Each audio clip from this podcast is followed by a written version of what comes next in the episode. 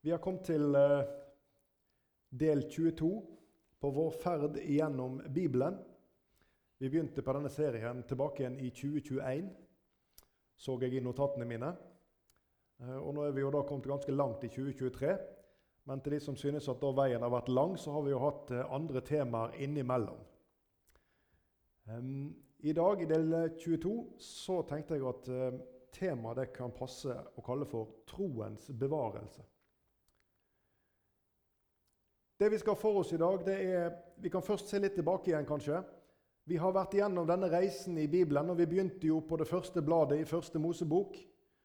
Eh, og vi har vært igjennom de si, hovedpunktene fra første Mosebok og gjennom fjerde Mosebok. Vi har sett på ifra skapelsen av og til fallet, syndefallet der i hagen. Og vi har hatt for oss fortellingen om Noah, og vi har snakket om hele Noahs etterslekt. Vi har vært igjennom Abraham, det løftet som Abraham fikk av Gud. Abrahamspakten og slekten fra Abraham og via Isak og til Jakob og hans sønner og Josef og slaveriet i Egypt. Så har vi lest om det oppdraget Moses fikk der ved den brennende tornebusken. Etter at han hadde gått 40 år i tjeneste hos sin svigerfar, og før der så hadde han vært 40 år i Egypt som prins ved hoffet. Og Så leste vi om når Gud møtte han der, og Moses han får oppdraget, og så fører han Israels barn ut fra slaveriet i Egypt. Vi har talt over ørkenvandringen fra dens begynnelse til eh, når Israel gikk gjennom Rødehavet, til de fikk manna på marken, denne maten som de fikk å spise. Vi har lest om noen av de underne som Gud gjorde i ørkenen. Når eh, de fikk vann ifra klippen, de fikk kjøtt derpå i sanden. Gud sendte inn vaktler over dem. Vi har lest om Guds omsorg for dette folket gjennom denne vandringen. Vi har vært igjennom og sett på Sinai-pakten. Selve ordningen som Gud gjorde for at folket skulle kunne ha samfunn med han på tross av sin syndige tilstand. Vi har lest om det mismotet som inntraff når de var kommet frem til grensen. Når folket protesterte og ikke ville gå inn i det lovede land fordi de syntes at truslene der inne var for store. Så mista de den tilliten som de hadde til Gud, til tross for sine erfaringer. Og så kjenner vi fortellingen om at de deretter måtte gå 40 år lang vandring i ørkenen. I dag skal vi begynne i 5. Mosebok. Og Vi kan dele denne Moseboken, denne her femte Mosebok inn i fire hoveddeler. Eh, dette kan du finne i omtale òg, du som har en studie i Bibelen. Så noe av det jeg skal si nå, det vil du finne der hvis du har bruk for å bla det opp igjen seinere. Eh, den første delen her, det er Moses' tale om den veien som Gud har ført folket. Den andre delen det er Moses' andre tale, som handler om loven. Den strekker seg helt fra kapittel 5 til kapittel 26. Og Den tredje delen det er Moses' tredje tale, når Moses taler om velsignelsens vei, altså lydigheten, og han taler om forbannelsens vei, altså ulydigheten, dette om å følge Guds bud eller å la være å følge Guds bud. Det kan du lese om i kapittel 27-30. Og Den siste delen det er Moses' avskjed. Her knytter i grunn Moses i sammen alle disse tre forutgående talene. Og Så kommer Moses med de siste påleggene fra seg til folket. Og så leser vi om når Josva ble utvalgt og innsatt til å lede folket videre over Jordan og inn i det lovede land. Dette leser vi om, og så dør da Moses på Nebo berg etter at han har fått lov til å skue inn i landet. Du husker beretningen? Moses fikk ikke lov sjøl til å være med inn i landet, men han fikk skue ut over landet. Og Vi skal begynne i den første delen, som handler om disse første fire kapitlene. Som handler om eh, Moses' første tale, som vi nevnte, og når Moses minner om den vandringen som hvordan, har, hvordan Gud har ført folket frem. Vi leser 5. Mosebok 1, vers 6-8. Herren vår Gud talte til oss ved Horeb og sa:" Lenge nok har dere oppholdt dere ved dette fjellet. Bryt nå opp og gi dere på veien til Amorittfjellene og til alle de folk som bor der omkring i ødemarken, i fjellbygdene og i lavlandet og i sydlandet, og ved havstranden til kananeernes land, og til Libanon, helt til den store elven Frat. Se, jeg har gitt dere dette landet. Dra av sted og innta det landet som Herren med ed har lovt å gi deres fedre, Abraham, Isak og Jakob, og deres ett etter dem. Moses han gjør altså her et tilbakeblikk. Og Han begynner tilbakeblikket her i vers 6 og disse tre versene her vi leste 6-8, hvor han beskriver det som skjedde når Gud talte til folket da de var i leir ved fjellet Horeb. Og så sier Gud at nå har dere vært lenge nok her. Og så fører Gud de, Han ber de om å bryte opp, og så forteller han de veien. Og så går Gud foran og leder de til grensen mot Kanans land. Her samles de i ørken, samles. Gud han forteller dem at når dere går her og dere kommer fram hit, se, jeg har gitt dere dette landet. Så leser vi videre i vers 19 i samme kapittel. Så brøt vi opp fra Horeb og dro gjennom hele den store og forferdelige ørken som dere har sett, på vei til Amorittfjellene slik som Herren vår Gud befalte oss, og vi kom til Kadesh Barnea. Og Her husker du hva som skjedde speiderne som var inne der i Eskoldalen, og som henta med seg ifra landets frukt og kom tilbake igjen. Og Så husker du hvordan speiderne fortalte om hvordan det var der inne i dette landet. At det var et land som i sannhet flyter med melk og honning. Men de snakket om befestede byer. De snakket om et høyvokst folk. Og hjertet sank i folket, og de mista motet. Og de mista tillit og tro, og de protesterte på å gå inn. Josva og Caleb de sto opp, det husker du fra fortellingen, og prøvde å sette mot i folket og sa at vi skal stole på Herren, og vi skal gå der som Han har sagt. Men de ville ikke. Vi leser videre i samme kapittel, vers 25-26, om det som skjer når speiderne kommer her. De tok med seg noe av landets frukt ned til oss, og de ga oss melding og sa det landet som Herren, vår Gud, vil gi oss, er et godt land. Men dere ville ikke dra dit opp. Dere var gjenstridige mot Herren, deres Guds ord. Dere ville ikke. På grunn av alt som fantes i folkets eget hjerte, så ble det avstand mellom Guds befaling og det de foretok seg.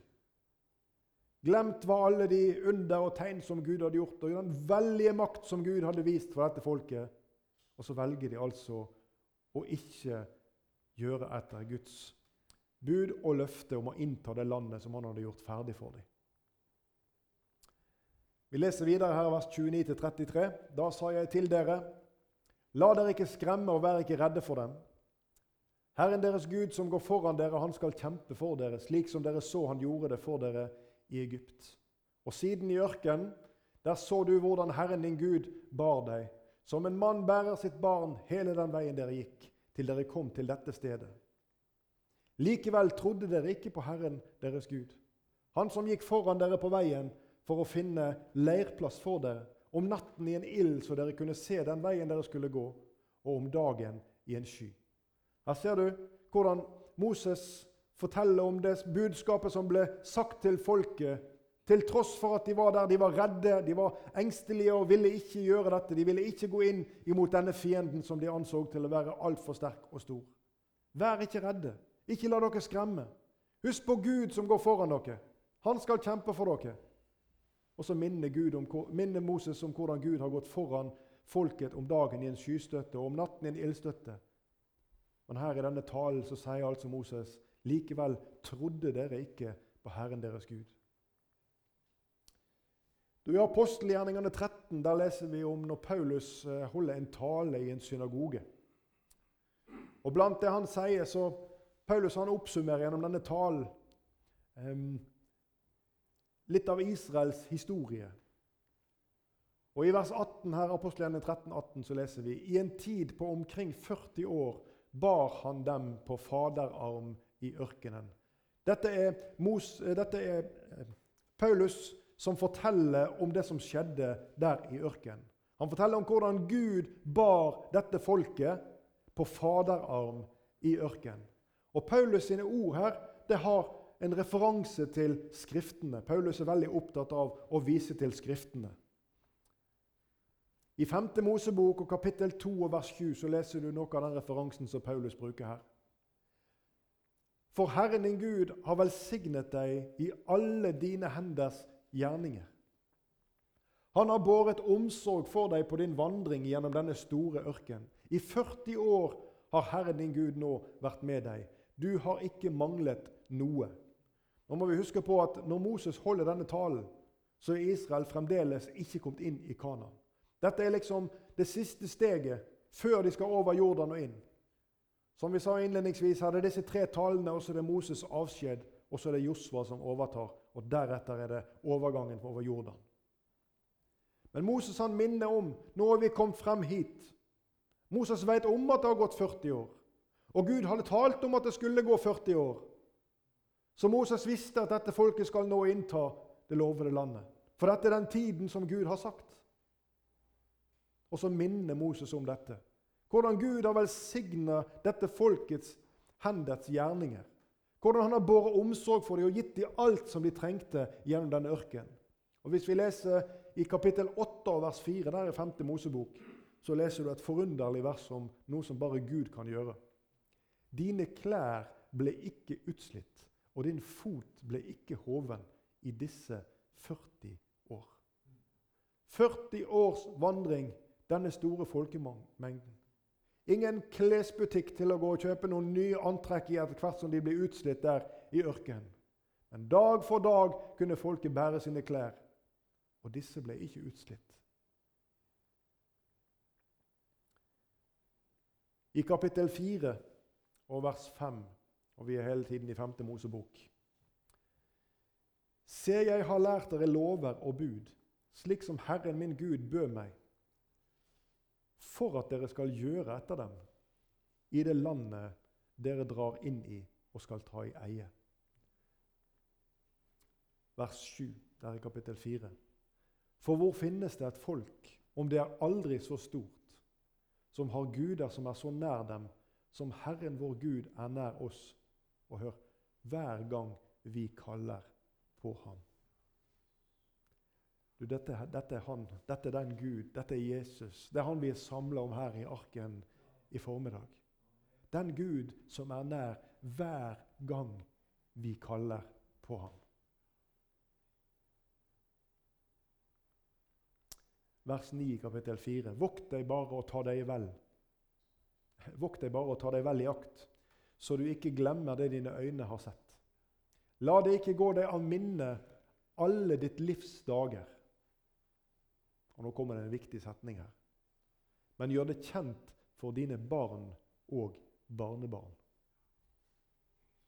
Den dag i dag så kan vi møte jøder, unge mennesker, som har en imponerende kunnskap om historien.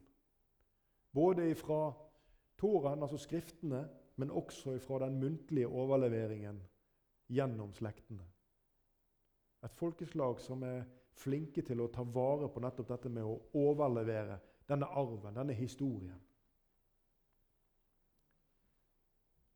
Dette det minner oss om våre egne oppdrag med våre egne barn, vi som har barn.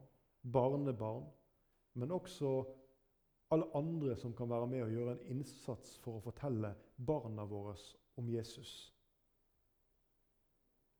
Vokt deg bare og ta deg vel i akt, så du ikke glemmer det dine øyne har sett. Vi skal minne våre barn om disse tingene som vi har fått opplevd sammen med Jesus. Du, Det dine øyne har sett, som Moses viser til her, og vi kan ta et lite utsnitt. Du, Ved Horeb der husker du kanskje at hele folket ble samla inn til fjellet på Guds befaling. Vi kan lese her i kapittel 4 og vers 10. Der sier Gud til Moses.: Kall folket sammen for meg. Og hør årsaken. For at jeg kan la dem høre mine ord, så de kan lære å frykte meg alle de dager de lever på jorden, og også lære sine barn dem. Og vers 12-13. Og Herren talte til dere midt ut av ilden. Dere hørte lyden av ordene, men noen skikkelse så dere ikke. dere hørte bare en røst. Og han forkynte dere sin pakt, som han bød dere å holde, de ti ord han skrev dem på to steintavler.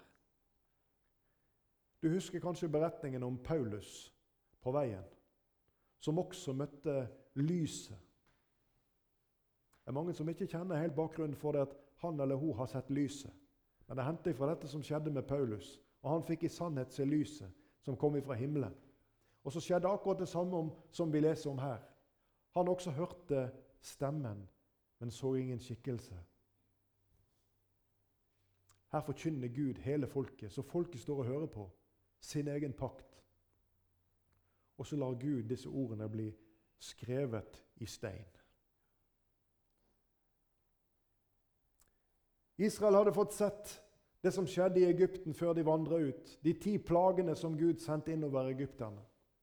De hadde sett Gud gå foran dem om dagen i en skystøtte og lede veien. De hadde sett han som en ildstøtte om natten, og de hadde fått opplevd hvordan Gud flytta seg fra å gå foran folket til å gå bak folket. Hvor han hadde lys på den ene siden når folket gikk om natta, og lagde mørke på baksiden, slik at egypterne ikke skulle finne veien og ta det igjen der på veien til Rødehavet. De hadde sett alt dette. De hadde sett hvordan det skjedde når Moses strakte ut staven sin over Rødehavet, og havet det åpnet seg. Og så gikk de tørrskodde gjennom. De hadde sett hvordan det var når Moses slo på klippen med staven sin, og ut kom det vann. Ikke sånn en liten sildrebekk, men nok vann til en folkemengde på kanskje to millioner mennesker og alle deres dyr. De hadde sett hvordan det var når de en dag sto opp fra teltene sine og kom ut, og så lå dette hvite belegget som så ut på, som rim på marken. Mannen som Gud hadde gitt dem. Mat som de fikk. Hver dag der i ørkenen kunne de gå ut av teltet sitt og plukke dette opp. Enten de hadde vært skal vi si, snill eller mindre snill.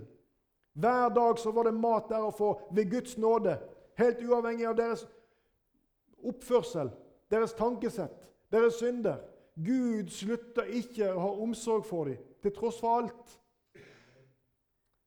Og Det er bare noen av de eksemplene vi kunne tatt fram som dette folket hadde sett med sine øyne på vandring igjennom ørkenen. Vokt deg bare og ta deg vel i akt det er viktig, dette. Vokt deg. Pass på, så du ikke glemmer det dine øyne har sett. La det ikke gå deg av minne. Dette gjelder også Guds ord til oss i dag og dine og mine opplevelser med Jesus. Hør, i kapittel 4 vers 35 så sier Moses Du har fått sett alt dette for at du skal vite at Herren er Gud, han og ingen annen. Dette er på en måte årsaken til at alle disse tingene har fått opptredd for Israels barns øyne, slik at deres trosliv skulle være styrket, at de i sitt hjerte kunne vite med visshet at Herren, han er Gud, han og ingen annen. Dette er essensen i denne første talen som Moses har i de fire første kapitlene her i 5. Mosebok. Det er en påminnelse om dette. Ha tro til Gud. Husk på alt det som Gud har gjort for deg på denne veien som du nå har vandret. Og nå står du her på terskelen til det landet som du skal gå inn i. Ha tro til Gud. Kapittel 4 vers 39 så skal du i dag vite og ta deg det til hjertet at Herren, han er Gud, både i himmelen der oppe og på jorden her nede. Han og ingen annen. Har dette relevans i dag, det som vi leser om her? Er dette aktuelt for oss i vår tid, disse fortellingene vi leser om i disse bøkene som er mange tusen år gamle. Bare for å trekke oss fram i nytestamentlig tid så har Jesus det samme budskapet til sine disipler som vi leser om denne påminnelsen som Moses har om å ha tro til Gud. Og Vi leser Johannes 14 og vers 1. Der sier Jesus.: La ikke deres hjerte forferdes. Tro på Gud og tro på meg. Du, Disse disiplene som var sammen med Jesus, De hadde også noen erfaringer. De hadde også ting som deres øyne hadde fått sett. Når Jesus rørte ved den blinde så han ble seende, og når Jesus reiste opp den lamme som han kunne gå, eller når Jesus bøyde seg ned på jorda og spytta og gjorde en deig av søla der og smurte på øynene til den blinde, han gikk til dammen og vaska seg, og så kom han tilbake seende. Når Jesus han velsigna disse enkle fiskene og brødene til denne gutten, og så ble det nok mat til 5000 mennesker. Eller når Jesus kom gående til disiplene der ute på, på Genesaretsjøen, midt i stormen, opp på bølgehavet, der kom Jesus. Og så sier han, 'Det er meg, frykt ikke'. Alt dette hadde disiplene sett. Det var deres opplevelser sammen med Jesus. Og I tillegg til dette så hadde også disiplene kunnskap om Skriftene. Ja, Vi skulle ha lest i apostelgjerningene 2 og sett hva som har skjedd når Jesus har fått vært der med Den hellige ånd i Peters hjerte. Her har du en som kan, denne enkle fiskermannen, her har du en som kan sitere fra Skriftene. Med Åndens lys og åpenbaring over hvordan det hele henger sammen. Og så vil jeg spørre deg som hører på disse ordene. På hvilken grunn hviler din tro på frelsen og din tro på Guds makt? Hva er grunnvollen for din tro? Moses han har trukket igjennom hele denne vandringen som vi har lest om nå i disse fire kapitlene som handler om denne talen, når Moses peker på alt det som dine øyne har sett. Og så har vi fått et lite bilde av Jesu budskap til hans disipler. Og så vil jeg altså adressere deg her som hører dette her i dag. Hvilken grunn hviler din tro på? Er når Peter står for det høye råd, og de vil anklage Peter for at han oppvigler folk og han farer med en lære som ikke passer seg, synes Det høye råd. Peter han svarer i kapittel 4 i apostelgjerningene, og vers 20. For vi kan ikke la være å tale om det som vi har sett og hørt. Du, Peter han er brennemerket i sitt hjerte over de opplevelser som han har hatt sammen med Jesus.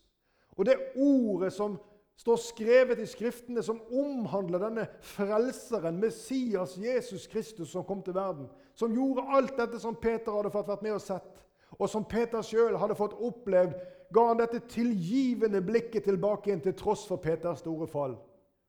Vi kan ikke la være å tale om det som vi har sett og hørt. Vi er merka av det budskap som Jesus har lagt i våre hjerter, så vi må tale om det. Du I Salme 78, og vi kan ikke ta tid til å lese hele den, så vil du lese om hvordan Asaf han trekker opp en sånn linje gjennom Israels historie. Og denne Salme 78 den er et mektig vitnesbyrd om hvordan denne overleveringen av Israels historie har gått igjennom slektene, og hvilken betydning den har for disse folkene. Hvordan Gud har vært der hele tiden. Vi skal lese vers 3 og vers 4. Der er Salme 78. Og hør. Det vi har hørt og vet, det våre fedre har fortalt oss, det vil vi ikke skjule for deres barn. For den kommende slekt vil vi kunngjøre Herrens pris og Hans styrke og de undergjerningene som Han har gjort. Du, til deg som har barn eller barnebarn eller er involvert i en form for barnearbeid, minnes disse ordene som Asaf sier her i Salme 78. For den kommende slekt vil vi kunngjøre Herrens pris og hans styrke og de undergjerningene som han har gjort. Barna trenger å høre om Jesus, den eneste levende, sanne Gud og frelser.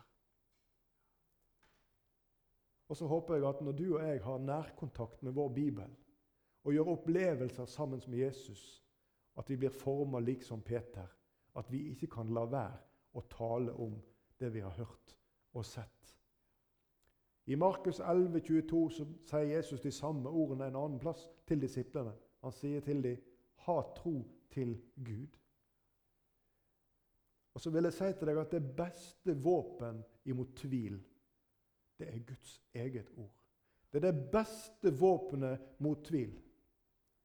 Og Du kan få lov til å angripe det på hvilken måte du vil, men om du hadde tatt for deg på helt sånn eh, vitenskapelig vis og lest igjennom fra Det gamle testamentet og fremover og sett på historien, og så hadde du lagt en sannsynlighetsberegning til grunn, så ville du funnet at alt Guds ord er sant med en vitenskapelig tilnærming. For det går ikke an å bortforklare disse sannhetene som Bibelen taler om. Det går ikke an å skrive en så ufeilbarlig historie som går igjennom tidene. Det går ikke an at Herren kommer med profetier 600, 650 år før ting går i oppfyllelse. Nøyaktig. Det beste våpenet mot tvil, det er Guds ord. Og det vet djevelen. Derfor er det også en kamp i dag om tiden. En kamp om den tiden som du og jeg trenger å vie til nettopp dette og sette oss inn i Guds ord. For det er ingenting som er mer trosstyrkende. Du, I dag er det mange mennesker som søker både hit og dit for å finne disse ekstravagante opplevelsene som en kan ha med Gud. For å bli et øyevitne til en helbredelse eller noe sånn ekstra. Og det er flott. Det er flott og det er sterkt å få ta inn over seg når Gud griper inn over oss i vår tid. Ja, det er det absolutt. Men det beste våpenet mot tvil det er Guds ord. Sådd i hjertejord, i den gode jord, slik at det kan få slå rot. Ordspråkene kapittel 2, vers 1-4. Min sønn, dersom du tar imot mine ord og gjemmer mine bud hos deg, så du vender ditt øre til visdommen og bøyer ditt hjerte til klokskapen, ja, dersom du roper etter innsikt og løfter din røst for å kalle på forstanden. Dersom du leter etter den som etter sølv, og graver etter den som etter skjulte skatter. Hva er det som skal skje da? Hva er det som skal skje hvis vi gjør dette? Dette må du få nøye med deg. Vi leser vers 5. Da skal du forstå Herrens frykt og finne kunnskap om Gud. Dette er oppskriften på et samfunn med Herren som preger ditt hjerte, at du blir en slik som Peter, som ikke kan la være å tale om det du har sett og hørt. Ordspråkene 1.7.: Å frykte Herren er begynnelsen til kunnskap. Visdom og tukt blir foraktet av dårer. Og Vi kan i grunn ta inn over oss dette verset også i et sånt aspekt, tror jeg. At visdom og tukt blir foraktet av dårer. Og hvis Herrens ord er visdom og tukt, da er det altså en dårskap å ikke ta det til sitt hjerte. Det er å forakte det. Salme 105 og vers 5. Husk hans undergjerninger som han har gjort. Hans under og hans munns dommer. Og Her ser du det igjen. Denne påminnelsen om å ta seg i vare, ta seg i akt, og ikke glemme. Husk hans undergjerninger som han har gjort. Gjennom bibelhistorien. Og disse undergjerningene de, ja, de leser vi om. Både hvordan de var forutsagt, og hvordan de oppfyltes. Og hvordan Gud på underfullt vis, til tross for alle logiske muligheter, grep inn og gjorde sine under gjennom tidene. Til tro, til trosoppbyggelse for deg og meg. Du, Bibelen det er en fantastisk bok som Gud har gitt oss. Til oppøving i tro. Ja, til fred og til trygghet i våre liv. I Hebreerne 13 og vers 8 der leser vi dette verset. Jesus Kristus er i går og i dag den samme, ja, til evig tid. Og det må vi ikke glemme, at Jesus er den samme i dag som da når Rødehavet ble kløvet, og alle de andre under og tegn som vi har lest om. Jesus er den samme i dag. Og så skapes det personlige erfaringer i våre hjerter i næromgang med dette ordet. I bønn om at Den hellige ånd må kaste sitt lys over det for oss. Og så blir vi redskaper i Jesu hånd. Du, denne Moses' første tale, denne påminnelsen om den veien som Gud har ført folket gjennom mørken til der de er kommet nå, det er en tale til tro. Og det er en tale som handler om dette folkets tillit. i møte med alt som skal skje videre på denne ferden. For de er ennå ikke kommet over Jordan. De har ennå ikke kommet inn i det landet, og Moses han har fått fortalt ifra Gud helt ifra den gangen han sto med tårnebusken, at Gud skulle drive ut sju folkeslag for dem. Dette folket står ikke overfor en fredfull vandring. Det står overfor krig. Det står overfor en mengde utfordringer og vanskeligheter som de overhodet ikke ruster til. Derfor så minner Moses de så inderlig om Husk å ta vare på og trykk det til ditt hjerte, det som Gud har gjort for deg, slik at du kan ha tro til Gud i møte med de tingene som ligger foran. Og Det synes jeg er en veldig aktuell påminnelse til oss, dagens kristne. Og Det er avgjørende for at vi skal kunne bevare troen, og for at vi skal kunne ha en sann og varig fred i våre hjerter, både vi og våre barn. Det er nettopp å ta tilflukt til Jesu eget ord, til bibelordet. Lese det, ta det til sitt hjerte og lar seg begeistre over den nøyaktighet og den veldige Gud som handler gjennom den, den, disse tidene, denne skriften som er gitt oss. Ordspråkene 4 og vers 20-23, de siste versene vi leser her. Min sønn, akt på mine ord, og bøy ditt øre til min tale. La dem ikke vike fra dine øyne, bevar dem dypt i ditt hjerte. For de er liv for hver den som finner dem, og legedom for hele hans legeme. Bevar ditt hjerte fremfor alt du bevarer, for livet utgår fra det. Herre Jesus, takk for ordene dine. Og Herre, slik Moses minner folket om de veldige undergjerninger og det som de hadde fått sett og opplevd sammen med deg, det ber jeg Herre om at du må ta oss på ditt fang Herre, og lære oss det samme.